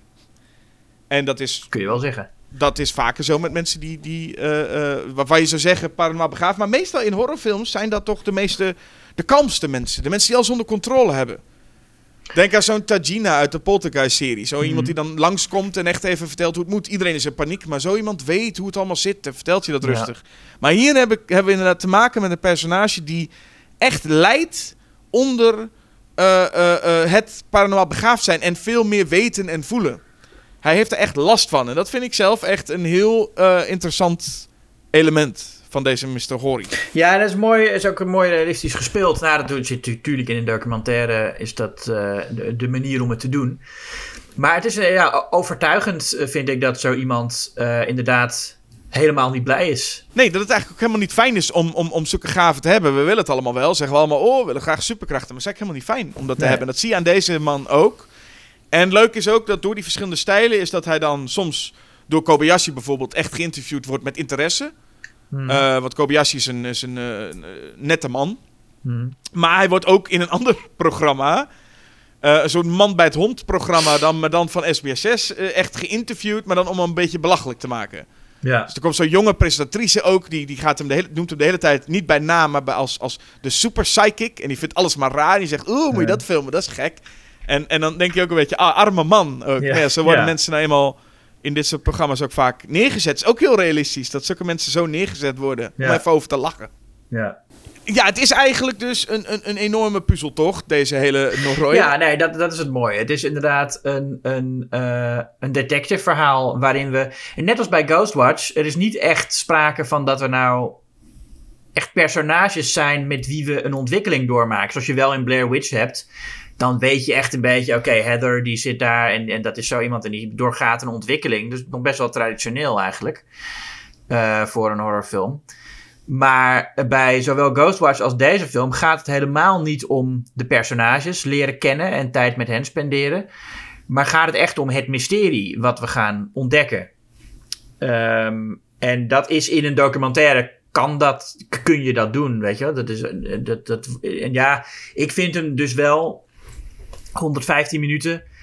ehm, vind ik vrij lang worden om niet in het gezelschap te zijn van echte personages, zeg maar. Maar ehm, eh, ja, maar het, werkt wel omdat vanwege het medium natuurlijk van wij gaan nu dit gegeven onderzoeken. En dan is het ook wel interessant wat er allemaal ontdekt wordt. Hè? Want het is ook deels gebaseerd op echte Japanse mythologie. En eh, eh, er is een, is, een, is, een, is, een, is een demon die langskomt. Eh, die in het verleden ook mensen bezeten heeft. En er wordt ook natuurlijk weer van alles ontdekt over de geschiedenis. En dat er ooit een, eh, een dorpje was. Hè, waar, waar ze de demon Kagutaba hebben opgeroepen. En vervolgens hebben weten in toom te houden, omdat hij niet helemaal deed wat zij eh, wilden. Ehm, dus hebben ze hem ja, geprobeerd in toom te houden. En dat dorpje is een tijd geleden helemaal weggehaald om plaats te maken voor een dam. En sinds die tijd heeft Kagutaba zich weer laten zien. Kagutaba die is, die is volledig fictief. Mhm. Dat is echt van deze film. Maar inderdaad, wat je zegt, heel veel elementen uit, uit, uit Japanse geestverhalen. En dan zie je ook hoe rijk eh, de, de Japanse geestverhalen zijn. In tegenstelling Ja. tot wat we hier in Nederland hebben. Want het is, er zijn zoveel elementen. En ik, wat ik mij vooral opviel, is dat als je in het begin dit kijkt, denk je echt, nou, dit zijn zoveel elementen. Dit zal allemaal ook wel een beetje lukraak zijn. Een beetje arbitrair, gewoon van, nou, allemaal dingen en we zien er nooit wat van terug. Maar alles weten ze uiteindelijk naar elkaar te brengen. En het is ook weer veel luguberder nog dan je je misschien zou voorstellen. Je verwacht natuurlijk wel een, een luguber verhaal, maar het gaat wel erg ver. Want wat er uiteindelijk aan de hand blijkt te zijn, is in het oorspronkelijke ritueel om Kagutaba op te roepen, werden babyaapjes gevoerd aan een medium. En dat heeft die vrouw dan geprobeerd na te doen door Kana, het uh, paranormaal begaafde meisje, te ontvoeren. En haar ge geaborteerde foetussen te voeren. En daarmee hoopten ze dan opnieuw Kagutaba op te roepen. En Kana is daaraan dood gegaan. Dat is toch ook wel best uh, stevig. Dat is best stevig, ja. dat je voorstelt dat een klein meisje foetussen moet opeten. Ja, en, het, en, en dat kleine meisje, wat dus op een gegeven moment ontvoerd wordt halverwege de film. En het is ook een soort van film lijkt te zijn die naar haar, haar redden. Dat lijkt een beetje het idee ook te worden. Dus het is extra cru om dan op een gegeven moment te ontdekken dat het kleine meisje dat ze de hele tijd willen redden gewoon al dood is. Ja. Ja. De film laat echt voelen dat, we, dat het alle kanten nog op kan gaan. Vind ik ook altijd heel fijn aan een ja. film die zo uh, ja, je hebt hier in ieder geval, ik zou zeggen, na een uur gaan we eens voorspellen. Oh, het zal wel dit zijn. Dat, is, dat, dat, dat klopt dan echt van geen kant, heb ik het gevoel. dus niemand die dit had kunnen voorspellen, denk ik. Nou ja, wel dat er iets aan de hand is. Uh, ja, dat, dat zou ik nog wel. Die voorspelling durf dat, ik dat er iets met een demon is die mensen bezit, ja, dat kun je voorspellen. En wat je op zich ook wel zou kunnen voorspellen. Uh, nou ja, de film heeft een, heeft een, heeft een, uh, een, een after credits scène nog. Ja, dat is, dat is vooral een, een, een ding. Die, ja. Want dat is eigenlijk ben je, het hele verhaal rondom om, is al klaar. Ja, de documentaire die hij heeft gemaakt is afgelopen. Hè, die die Kobayashi heeft gemaakt is afgelopen. Ja. En dan zien we nog. Ja, dat is dan echt de, de rauwe found footage, zeg maar. Het laatste wat op zijn camera heeft opgenomen, is er dan nog achteraan geplakt. Ja, die Karutaba, iedereen die daar ook maar een beetje mee te maken heeft, daar gaat het mee mis. Ja. Maar het is niet alsof die, die demon direct verantwoordelijk is. Hè? Dat hij ergens komt en mensen gaat doodsteken. Weet ik veel wat een demon doet. Maar mm. hier, het is gewoon zo. Hij, hij, hij is in de buurt. Of het, het, zijn verhaal is in de buurt. En op een gegeven moment gaan bijvoorbeeld zoals dat kleine meisje Kana.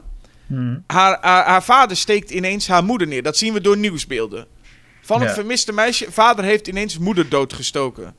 En denk je, wat heeft het ergens mee te maken? Maar je, je voelt gewoon, dit, dit, er gebeurt net als dat. Nee, dat is helemaal in het begin. Dat, dat die, die ene vrouw die hij gewoon sprak, na vijf dagen later waren ze dood. Ja. Gewoon, mensen sterven op wat voor manier dan ook. Er gebeurt iets akeligs. Er gebeurt iets, veel narigheid rondom mensen die met deze demon te maken hebben. Vind ik, dat vind ik een fijn iets of zo. Ja, dat is maar ja, de, de vreedheid ervan, hè? Ja. De, en, en, de, en de chaos. Ja, en Kobayashi die zoekt het natuurlijk heel erg op. Die is, die is, die is, die is non-stop bezig om alles te bekijken. Inclusief aan het einde gaat hij een huis binnen van nu ga ik, wil ik weten hoe het zit. En dan ziet hij daar de vrouw waar het allemaal om ging. En dat vind ik ook trouwens heel leuk. Die vrouw, uh, uh, Junko Ishii heet zij. Mm Dit is een heel belangrijke vrouw voor, voor het verhaal. Komen we gaandeweg achter. Dat zij, daar gaat het veel al om. Wat ja. zij ook heeft gedaan. En het leuke is dat we haar helemaal in het begin dus al zagen. Die buurvrouw. Die zei, ja, ja die, die dus een beetje een mysterieuze vrouw woont naast mij.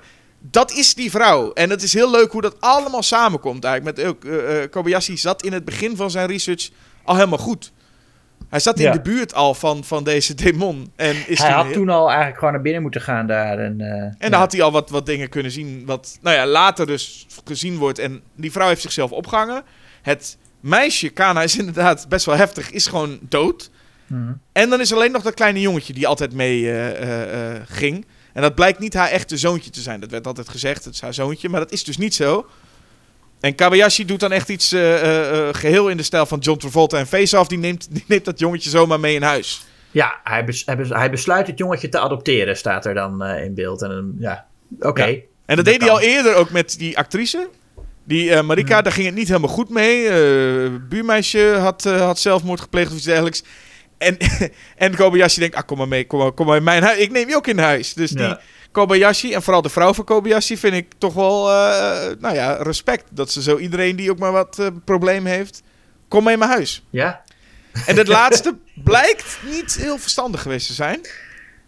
Nee, want ja, meneer Hori komt. eh, die, die, die, zat, die zat vast, hè? Die is op, opgenomen. Ja. Maar is ontsnapt eh, nadat de documentaire was afgemaakt. En komt daar binnen gerend met een heel verhaal. Van ja, dit en dat en dat. En eh het kind is, eh, is Kagatuba. Of Kagutaba. en, en, en wil dat kind met een steen de hersens inslaan. Ja. En doet dat ook. En doet dat ook. ja. En dat, ja, daar komt zo'n moment, jongen. Dat is echt iets dat, dat de eerste keer dat ik dat zag, dat zit wel op mijn netvlies gebrand. Die, die, die, uh, dan ineens staat het jongetje daar, die vrouw van Kobayashi gaat schreeuwen, camera draait en dat jongetje heeft dan dat gezicht van, uh, uh, bebloedig gezicht van Kagutaba. Ja. Een soort, of masker, wat is het? Maar heel even zie je dat, camera draait weer terug en het is weg. Maar je denkt, holy shit, het is, nou ja, daar blijkt dus ook wie de, de demon blijkt te zijn. Ja. Maar die hele scène ook met dat geschreeuw en die vrouw zet zichzelf dan uiteindelijk in de brand. En, Ja. en dat je denkt, dit is eh, eh, ja, heft, heftig. Dat kun je ook fijn doen hè, met, met, met zeg maar, het medium van de nepdocumentaire. Dat je dan ehm, eigenlijk heel makkelijk iemand in één shot zichzelf in brand kunt laten steken. Door gewoon eh, eh, te doen alsof er iets mis is met de camera. Dat de camera even knippert. En dan kun je in dat shot kun je, haar, kun je de echte actrice dan met een stuntpersoon vervangen. En dan lijkt het alsof het allemaal in één shot gebeurt. Dat is altijd, hè, eh, met mensen die zo'n zo'n één lang shot... eh moeten ze ergens een knippunt hebben. En dat Ja. is natuurlijk heel makkelijk door gewoon ruis of iets dergelijks even in je camera Ja, beeld nee, te hebben. Ja. En dan ben je er. Maar eh, ehm, ook een, een einde waarvan ik denk dat je net als bij Ghostwatch wel achter kan blijven met... Zo, want daarna komt niet echt een lange endcredits of zo van... Kijk, wie heeft het licht hier gedaan? Wie heeft... Het is gewoon echt, dan is de film ineens afgelopen. ja. En dan, dan zit je toch ook even naar dat beeld te staren met... Oh, want ja, is het een fijn einde? Nee, want Kobayashi is nog Nee. steeds vermist. En er is een demon dus nu onder ons. ja, meneer Hori is dood, weten we. Meneer Hori is dood. Die kan ons ook niet meer redden. De rest eigenlijk ook. Alleen die actrice is er volgens mij nog. Ehm, Ja, en, het, en, en inderdaad, het kleine jongetje is ontsnapt en is, eh, is, is nu bezeten door Kagutaba. Ja. ja. dus na het einde van deze beide films hebben we nu een, een, een, een nogal nare demon en een, eh, een enge geest in eh, losgelaten. ja, jeetje. Zit je, zit je ook, zit je dan? Ja, En dan, en dan vraag ik me ook af of dit soort films, want dat is volgens mij, nou ja, kijk, Blair Witch Project, ik denk nu aan Rec, ik denk nu aan Cloverfield. Mhm. Allemaal films. Kan zo'n film als dit leuk eind goed eindigen, vraag ik mij eigenlijk af. het, ja het kan wel. In, ik, ik, ja, in theorie kan het natuurlijk. Ehm, Ik, zie, ik kan nu even geen voorbeeld bedenken. nou, maar het is, wat zo'n- ook is, je hebt dan wel... Stel, er is een happy end dat ze, de, de- dat ze het beest verslaan of wat dan ook. Dan heb je nog de vraag, ja, maar waarom zouden die mensen dan deze documentaire, waarin zij eh, ook best wel intieme momenten getoond worden ook, en waarin ze doodsangsten uitstaan en zo, waarom zou dat dan, weet je wel, waarom zouden ze dat dan willen tonen aan de wereld? Nou ja, als bewijsmateriaal natuurlijk zou je kunnen zeggen. En mensen zijn ook best wel narcistisch. En je hebt heel veel mensen die hun hele leven op YouTube zetten. En dus, dus dat is het, ja. Maar je denkt niet dat, je denkt dat als Kobayashi de demon verslagen gaat aan het einde, dat hij denkt, nou, dit hoef ik ook niet meer uit te brengen. Nee, nee. nee, ik zat meer aan de Blair Witch Project te denken. Van, zou Heather eh, willen dat de hele wereld er ziet met haar, met haar snotneus? dat ze, maar dat is natuurlijk, natuurlijk is dat zo dat mensen dat zouden willen vertonen. Nee, Ja. zeker. Maar ook, ik bedoel, Cloverfield ook en Rec ook. Ik bedoel, Ja. dat, wil je allemaal zien. Alleen, ik kan me gewoon nu voorstellen, hè, Rec ei- eindigt op... Al die films eindigen op een bepaalde manier dat je achterblijft Mhm. met een soort gevoel van, jezus, het is wat. Maar Ja. ik, eh, en ik, op een of andere manier lijkt het bijna alsof dat... Nou ja, nu ook hebben we dus twee van die films. Die, ik vraag me af hoe het was geweest als het zo mooi had geëindigd. Ja. Of dat überhaupt past. Nou ja, Ja, Ik- nee, het is vaak een downer. Wat, wat, wat ik wel, wat je met heel veel latere found footage films, ook de mindere vaak ziet, is dat ze heel erg. Ja, ze hebben gekozen voor found footage om budgetredenen of omdat het hip was. En dan zijn ze eigenlijk de hele tijd ehm, toch, toch aan het vals spelen. En toch aan het doen van. eh, oh, we- eh, dat je je afvraagt waarom blijven ze maar filmen. Of dat je ziet dat het net iets mooier uitgelicht is dan het zou kunnen.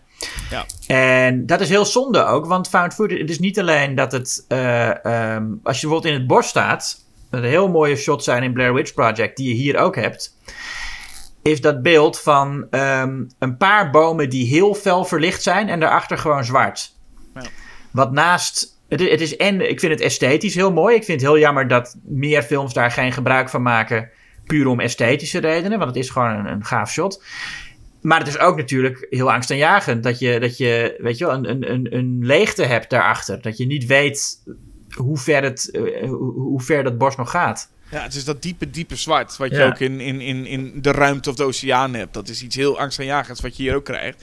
En ik denk dat je een goed punt hebt wat betreft waarom ook found footage een vrij slechte naam heeft. Is omdat dus een film als Blair Witch Project zo succesvol is. En mensen denken, oké, dan gaan wij dat ook doen. Hmm. Want het is nou zo goedkoop om te maken. Pak je eigen telefoon of, nou ja, toen gewoon je videocamera. Hmm. En je kunt je eigen horrorfilm maken. Niks met licht, niks met geluid, gewoon lekker zo doen. Ja. Alleen, dat, dat is het natuurlijk niet. Het is niet dat, want we hebben u nu ook te maken met twee films, Ghostwatch en Noroi, die zo goed gebruik maken van hun vorm.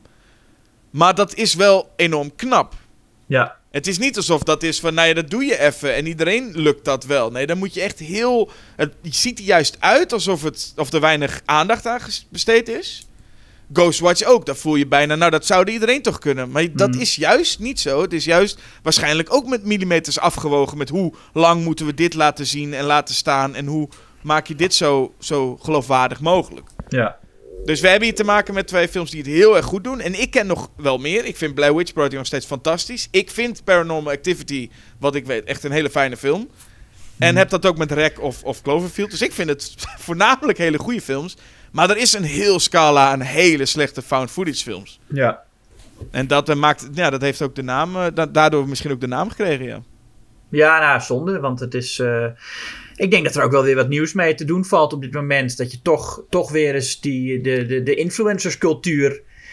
er zijn wel een paar films die daar iets mee doen, maar altijd een beetje op een, wat mij betreft, te, te oppervlakkige manier. Of, ja, of dat ze heel duidelijk maken van waar het, dat het, dat, dat, dat, dat zogenaamde sociale commentaar van, nou, het is jullie alleen maar om de likes te doen en zo. Nou ja, een, een, een, voorbeeld, ik weet, ik weet niet of dit het beste... Een voorbeeld van dit jaar was nog Deadstream. Nou ja, niet gezien. Wat een leuk, echt een leuke film is. Het werkt nog steeds wel. Ehm, niet in de, in de zin... En ik, Noroi is dat trouwens ook niet. Er is niemand volgens mij die Noroi zag en zegt... Is dit echt? Volgens mij is dat wel duidelijk. Ghostwatch wel. Ja. Ehm, maar Deadstream heeft dat heel sterk. Searching is een andere soort genre misschien. Maar had het ook Ah, een ja. paar jaar geleden. ja. Er kan echt iets heel leuks mee gedaan worden. En misschien zie ik dan gewoon net juist steeds de goede titels. Waardoor ik steeds denk... Het is toch juist een fantastisch iets om mee te spelen? Hoe heette die film? Host. Die film met de, waar, waar Oh, wat ja. een Zoom-meeting is. Die was ook erg goed. Ja. Eh, zijn, er wel veel, zijn wel meer films die Host heten, maar eh, best wel kort ook. 50 minuten of zo duurt die. En het is inderdaad gewoon een Zoom-meeting waar ze dan tijdens de eh, lockdown een eh seance houden. Dus ik ben blij dat dit soort films er nu zijn. Eh, maar we moeten nog wel even kiezen. En jij hebt al Ja. gekozen voor Ghostwatch. Maar waarom gaat Noroi weg en blijft Ghostwatch, Julius? Nou, Ghostwatch is toch de, de uniekere film. Eh, er zijn wel meer eh, films die een beetje zoals Noroi zijn. Maar er is volgens mij geen één film die echt zoals Ghostwatch een, een live tv-uitzending pretendeert te zijn. En, eh, en, en die ook eh, de, de elementen van live televisie inzet voor de horror. Het, het, het feit dat je in kunt bellen wordt gebruikt om het enger te maken. Ehm ja, dat vind ik heel bijzonder en compleet uniek en eh, volstrekt geweldig en zo.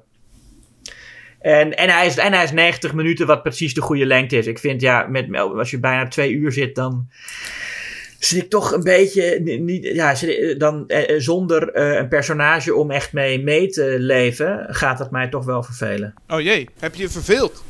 Nou, nee, maar nee. Ik heb me niet verveeld, maar ik heb me wel gedacht van nou, Ik kan me nu potentieel gaan vervelen. ik, zou me kunnen gaan vervelen, ja. ja, precies. Ehm, maar als ik het een beetje hoor, is, is het vooral dat, dat Ghostwatch doorgaat met Ghostwatch zo ongelooflijk goed is. ja, en zo uniek. Ja, precies. Ik heb er ook wel moeite mee met Ghostwatch of Noroi, omdat beide heel goed zijn. Eh, ik kies wel voor Noroi. En dat komt puur omdat Ghostwatch ehm, is een fantastisch evenement. En namelijk in 1992, ik zou best wel, ik, ik, ik, ik zou best wel graag in die tijd willen zitten in Engeland. Hmm. En dan, als, als zesjarige was ik dan geweest waarschijnlijk. Nou, als je dan die, deze, dit op televisie had gezien... Ja. Ah, dan zou je voor het leven getekend zijn, ook bijna wat gevoel, man. Ja. Ehm, maar, maar nu zien we terug en denk ik, ik zie iets wat heel knap is. Ik zie iets wat heel leuk is om te zien. Ik vind het achtergrondverhaal daar ook heel fijn bij. Eh, maar ik vind Noroi heeft wat eh, eh, Ghostwatch heel even heeft. En dat is namelijk die hele dat ze wordt opgebeld door de backstory van Mother Saddens. Mhm. Waar Michael eh, Parkinson dus zo van zegt van... Nou, dankjewel voor je belletje. Dat vind ik nou bijna jammer. Want dat is wat Noroi dus twee uur lang doet. Die backstory, die enge tafereelen, die enge eh, eh, kleine dingetjes. En dat wordt één lange grote puzzeltocht. En ik vind dat meegaan, dat ontrafelen van dat mysterie... wat we met Kobayashi doen, vind ik zo ontzettend interessant... Wat dat betreft zie ik het een beetje als het, het tegenovergestelde van, van Halloween met Michael Myers. Is hoe, hoe, hoe, dat is hoe, minder je weet, hoe enger. En hier, hoe meer ik weet, hoe, hoe, hoe spannender, interessanter ik het vind. Ja, nou, het is echt inderdaad helemaal het, on- het ontvouwen van die mythologie. Dat is wel gaaf, ja. Ja, en de manier waarop het ook gedaan is. ik- eh, hele enge scènes. Eh, eh, het blijft super interessant. Ik wil iedere keer mee. Eh, eh, eh, dat ik echt denk, hoe zit dit nou ook alweer? En hoe gaat dit? Dus dat, wat, voor mij is Noroi de betere, interessantere film. Maar wel een beetje met pijn in het hart. En ik zou ook nu, we hebben het al gezegd aan het begin van de podcast. Ik eindig er ook nog even mee door te zeggen tegen iedereen: ga gewoon beide kijken. Daar krijg je toch geen spijt van, van beide. Ja. Dat durf ik wel te, te, dat durf ik wel te garanderen zelfs. Nou, garanderen is een groot woord, Jasper. Daar moet je oppassen. Maar ik durf het wel ehm, te zweren. Ja, oké. Dat is beter, hè? Ja, ik beloof dat je ze goed vindt. Ja, maar ja, eh, eh, eh, dat kunnen wij allemaal wel zeggen, luisteraar, lieverd. Maar ehm, je moet natuurlijk zelf bepalen welke film je beter vindt. Hallo, dat kunnen wij niet voor je doen. Dus bepaal dat. Schrijf het op een, op een kaartje en stuur het kaartje naar Schok het Nieuws. En eh, wat er dan gebeurt, is dat wij dat eh, eh, gaan lezen. En, en dat, misschien zeggen we het wel als je, als je fanmail stuurt of zo. En je moet natuurlijk ook gewoon je abonneren op de podcast, likes achterlaten. En recensies, reviews, waar het maar kan. En met hoge sterrenwaarderingen, alsjeblieft. Dan kunnen we daar van alles mee doen. Ehm, wat nog meer? Je moet een abonnement nemen op het tijdschrift Schokkend Nieuws. Ja. Waarvan ik hoofdredacteur ben en waar Jasper in de redactie zit. En ehm, verder moet je je voorbereiden op de volgende Julius versus Jasper, denk ik. Nou, dus, dus er is genoeg nog wat we gaan doen. En ik denk dat een van de belangrijkste dingen die we volgend jaar gaan doen. En dat wordt wel eh, volgend jaar januari. eh, met een eindejaars podcast. Ja, de eindejaarspodcast is dit jaar in januari om de dood eenvoudige reden dat we het qua tijd niet voor elkaar krijgen om het complete team weer eh, bij elkaar in één ruimte te hebben. En dat willen we wel graag. Ja, weer even wat nieuwe, nieuwe eh, of nieuwe stemmen niet. Maar even weer wat andere stemmen dan alleen ons twee. Ja, dus Eh, Tim, Basje, Hedwig en Erik en wij tweeën zijn dan weer allemaal samen. Maar dat kan pas eind januari gebeuren. Dus je moet nog even wachten op de, het lijstje met beste films van 2022. Nou ja, dat is toch ook helemaal niet zo erg? Eh, enerzijds niet. En anderzijds kun je ook binnenkort op schokkendnieuws.nl al wat lezen. eh, wat alle Schokkend Nieuws medewerkers ongeveer eh, nou ja, als de beste films vonden. Ja, En dan gaan wij uiteindelijk in januari nog een podcast maken over, de, over wat wij, ja, onze lijst. En dan zullen we er nog wat meer tekst en uitleg bij geven. Mhm. In ieder geval, ik, ik verklap alvast een klein beetje. Goed, goed, leuk, interessant filmjaar vond ik het. ja vond ik ook, vond ik ook, vond ik ook. Mogen niet klagen. Nee, mag niet. Nee, dus, maar jullie kunnen nu stoppen, luisteraars, met films kijken van 2022. Allemaal niet zo boeiend meer. Ga lekker Ghostwatch en Noroi kijken, nog even het einde van het jaar. Yes. Dat zijn mooie films. En dan zijn wij volgend jaar ja, ook weer terug natuurlijk met en Julius versus Jasper en andere eh, eh, podcasts. Dus dat komt vast wel goed. Ja, we doen eerst even een reguliere tussendoor. En dan vertellen we je daarin wat de volgende Julius versus Jasper gaat worden. Hoe vind je dat? Ja, de, de, de- we houden dingen graag nog een beetje spannend. Ja. Een belachelijk groot succes. Eh, nou, over spannend gesproken. Ik hoor die stem weer. Oh jee. Heb je, jou hoort echt niks? Nee, ik hoor hem nog steeds niet. Fuck, dit is echt wel eng. Maar, dat, maar Jasper, dat kan toch helemaal niet? Nou, ik geloof dat er nu echt iets misgaat. Want eh, de- de- er gaan hier ook alle lampen gaan uit. Ja, ik heb alleen dat er heel erg hard wind staat hier binnen. Maar verder merk ik niks. Hallo? Ben je er nog? Ja, ik ben hier. Ik hoor niks meer. Wat zegt u? Hallo? succes. Gaat het uw grote ogen, eh, moeder?